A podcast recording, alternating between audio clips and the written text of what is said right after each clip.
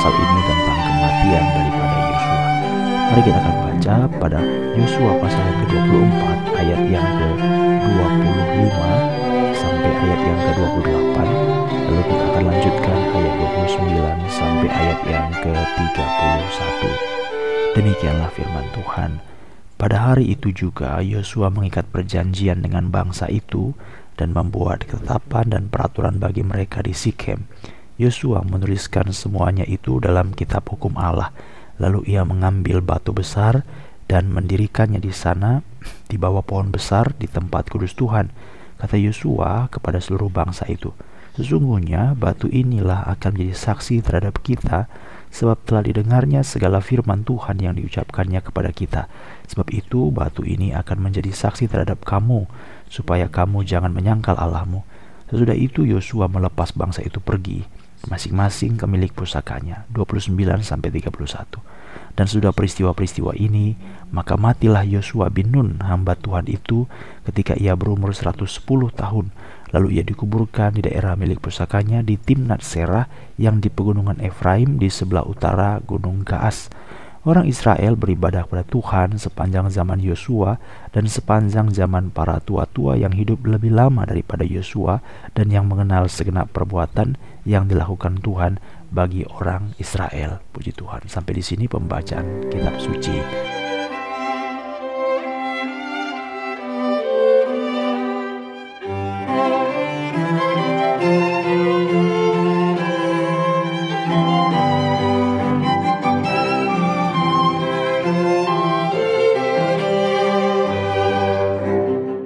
Umat-umat yang Tuhan kasihi, kita bertemu panggilan yang terakhir atau panggilan yang kedua dari Yosua kepada umat-umat Israel. Jadi dua kali Yosua melakukan panggilan ini di akhir atau di masa tua hidupnya. Yang pertama dicatat dalam Yosua pasal 23, yang kedua dicatat dalam Yosua pasal 24 pasal 24 ini adalah di Sikhem. Ada perbedaan antara pasal 23 dengan pasal 24. Walaupun sama-sama untuk memanggil bangsa ini, memanggil para tua-tua, memanggil para pemimpin-pemimpin untuk menegaskan kembali iman kepada Allah, percaya kepada Allah, Allah Yah Yehova, Allah Yahweh, Allah pencipta langit bumi, Allah yang telah membawa dan menolong mereka untuk memiliki tanah perjanjian Allah Israel, ditegaskan lagi, walaupun dua-dua ini sama, tetapi ada perbedaan. Perbedaannya kalau pasal 23, Yosua menceritakannya itu isinya adalah tentang apa yang mereka lihat, apa yang Allah lakukan kepada mereka, apa yang dijanjikan Allah dan tidak ada yang tidak digenapi. Tapi kalau kita baca dalam pasal 24, maka ini adalah peristiwa-peristiwa yang diingatkan lagi tentang sebelum mereka masuk tanah perjanjian. Jadi kalau pasal 23, hal-hal yang setelah masuk tanah perjanjian, menaklukkan bangsa-bangsa Kanaan, menaklukkan dan menjatuhkan kota Yeriko, kemudian kota-kota Yerusalem dan seterusnya. Sedangkan kalau kita pasal pasal 24 adalah hal-hal yang berkaitan sebelum mereka masuk tanah perjanjian, yaitu dari Mesir, dikeluarkannya mereka dari Mesir. Kemudian bagaimana mereka dilindungi Tuhan di padang gurun, dilindungi daripada Baal Peor, kemusnahan yang terjadi. Baal Peor, pasal yang ke-26 kita bilangan. Seharusnya mereka mati jadi diucapkan kembali, diingatkan kembali oleh Yosua. Dan kalau kita baca, ini merupakan bagian yang sangat-sangat penting untuk kita renungkan pagi ini.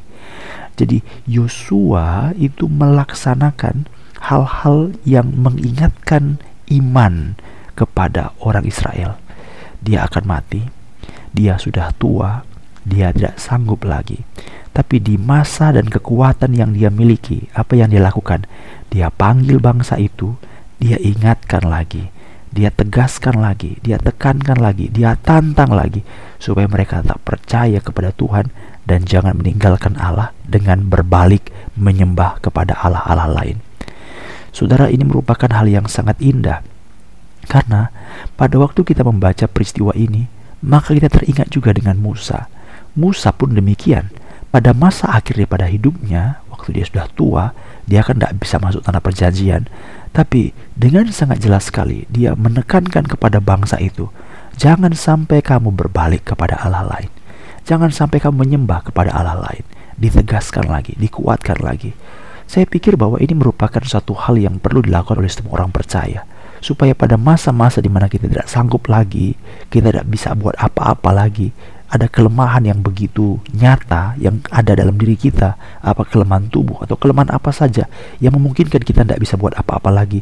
Tapi ada satu hal yang harus kita lakukan, yaitu menegaskan iman, membawa ke orang-orang untuk menegaskan iman mereka kepada Tuhan. Nah, oleh sebab itu tentu tidak bisa kita bicara kalau kita tidak punya pengaruh ya. Tidak bisa kita bicara kalau kita tidak punya teladan hidup. Tidak bisa kita bicara kalau kita tidak punya kekuatan oleh anugerah Tuhan. Nah, oleh sebab itu sama seperti Musa menegaskan kembali iman kepada bangsa Israel supaya mereka jangan meninggalkan Tuhan di akhir hidupnya. Demikian pula Yosua melakukan hal yang sama. Bahkan dicatat dalam Yosua pasal 23 dan pasal 24 itu dua kali dan yang terakhir dia panggil semua mereka berkumpul di Sikem untuk tegaskan lagi. Maka pada bagian ini ada satu kalimat firman Allah yang sangat terkenal. Kalimat itu adalah aku dan seisi rumahku akan beribadah kepada Tuhan saja. Yang saya ingin ajak juga kita renungkan sifat manusia yang berdosa itu saudara-saudara tanpa penebusan daripada Kristus kita akan selalu kembali. Maka dalam ayat 19 tetapi Yosua berkata kepada bangsa itu, "Tidaklah kamu sanggup beribadah kepada Tuhan. Kamu tidak sanggup." Dan sebenarnya hal yang sama kalau kita baca Tuhan berkata juga kepada Musa dalam Ulangan pasal 31 ayat 16. Tuhan berfirman kepada Musa, Ulangan 31 ayat 16, "Engkau Musa akan mendapat perhentian bersama-sama dengan nenek moyangmu dan bangsa ini akan bangkit dan berzina dengan mengikuti Allah asing. Kalau kita berkata ini nubuatan ya, suatu perkataan-perkataan oracle yang disebutkan sebelum peristiwa itu terjadi, jauh-jauh sebelum peristiwa itu terjadi, sudah dikasih tahu bahwa nanti bangsa ini akan meninggalkan Tuhan. Kamu akan mati Musa, tetapi bangsa ini akan bangkit dan berzina dengan mengikuti Allah lain. Jadi sebenarnya Tuhan itu kan mengerti siapa kita. Tuhan mengerti kelemahan kita. Tuhan mengerti kita ini akan jadi orang seperti apa. Dan itu sebabnya kalau kita renungkan, kenapa ya kalimat-kalimat seperti ini muncul ya dari orang-orang yang dipakai oleh Tuhan. Kamu itu aku kenal siapa kamu. Karena Tuhan mengenal siapa kita. Tuhan tahu kita ini menjadi apa. Itu sebabnya ada banyak sekali doa-doa yang tidak terjawab. Karena andai kata doa itu terjawab, mungkin kita itu akan meninggalkan Tuhan. Karena Tuhan tahu. Maka Tuhan menunda. Maka Tuhan menunggu maka Tuhan buat ini tidak boleh dikasih karena kalau dikasih orang ini akan meninggalkan aku dan beribadah kepada Allah yang lain. Saudara jangan kita berpikir bahwa oh saya kan tetap percaya pada Kristus, saya ini kan orang Kristen, nggak pernah berubah. Ya, secara fakta, secara status kita mungkin berkata bahwa aku beribadah kepada Tuhan, aku pergi gereja, lalu aku mendengar khotbah dan aku berdoa itu namanya Yesus. Tetapi secara rohani, secara iman, sebenarnya kita adalah penyembah berhala. Firman Allah berkata dalam surat Kolose pasal yang ketiga, kelima, bahwa kita ini adalah orang-orang yang menyembah berhala. Kita adalah orang-orang yang ada kedegilan, ada ketamakan, ada dengki. Itu semua adalah hal-hal yang sama dengan penyembahan berhala. Musa menegaskan, jangan sampai kamu meninggalkan Tuhan dan beribadah kepada Allah lain. Yosua mengatakan, jangan sampai kamu meninggalkan dan beribadah kepada lain. Kepada Musa, Tuhan berkata, bangsa ini akan meninggalkan aku Yosua berkata dalam pasal 24 19, "Tidaklah sanggup kamu untuk beribadah kepada Allah." Dan memang benar sekali saudara-saudara, kalau kita membaca tentang Yosua sebelum dia mati, dicatat dalam kitab Hakim-Hakim pasal yang kedua dan Yosua pasal 24 ayat 31. Orang Israel beribadah pada Tuhan sepanjang zaman Yosua dan sepanjang zaman para tua-tua yang hidup lebih lama daripada Yosua. Tapi setelah itu apa yang terjadi? Setelah itu mereka semuanya berbalik meninggalkan Tuhan. Tidak ada yang dapat kita lihat suatu kepuasan selain dalam Yesus Kristus. Karya Kristuslah yang membuat kita akan terpelihara. Sama seperti kita melihat bangsa Israel kembali lagi berdosa karena tidak dipelihara dalam kekuatan Allah yang menyelamatkan oleh Yesus Kristus. Itulah sebabnya dalam perjanjian lama, segala perbuatan, segala pertobatan, segala seruan, segala pengakuan kepada Allah itu menjadi suatu hal yang berbalik lagi, berbalik lagi. Mengapa? Karena kesempurnaan pekerjaan keselamatan itu hanya dikerjakan dengan sempurna di dalam Yesus Kristus. Dan kalau kita membaca pada bagian ini, Yosua pada akhirnya meninggal dunia, mengakhiri pelayanannya, dan dia mati pada usia 110 tahun Yosua pasal 24 ayat 29. Lalu ia dikuburkan di daerah milik pusakanya di Timnat Serah di pegunungan Efraim di sebelah utara Gunung Gaas. Kalau kita memikirkan kalimat ini, semua manusia ini mempunyai waktu yang diberikan Tuhan untuk mengerjakan tugasnya di hadapan Allah. Dan kita bersyukur kepada Tuhan Yosua telah melakukan tugasnya. Dan Alkitab berkata dalam ayat 25 Yosua membuat satu ketetapan peraturan bagi bangsa Israel itu di Sikhem menuliskan semua itu dalam kitab hukum Allah lalu mengambil batu besar dan meletakkannya di bawah pohon di gunung Tuhan di bait Tuhan.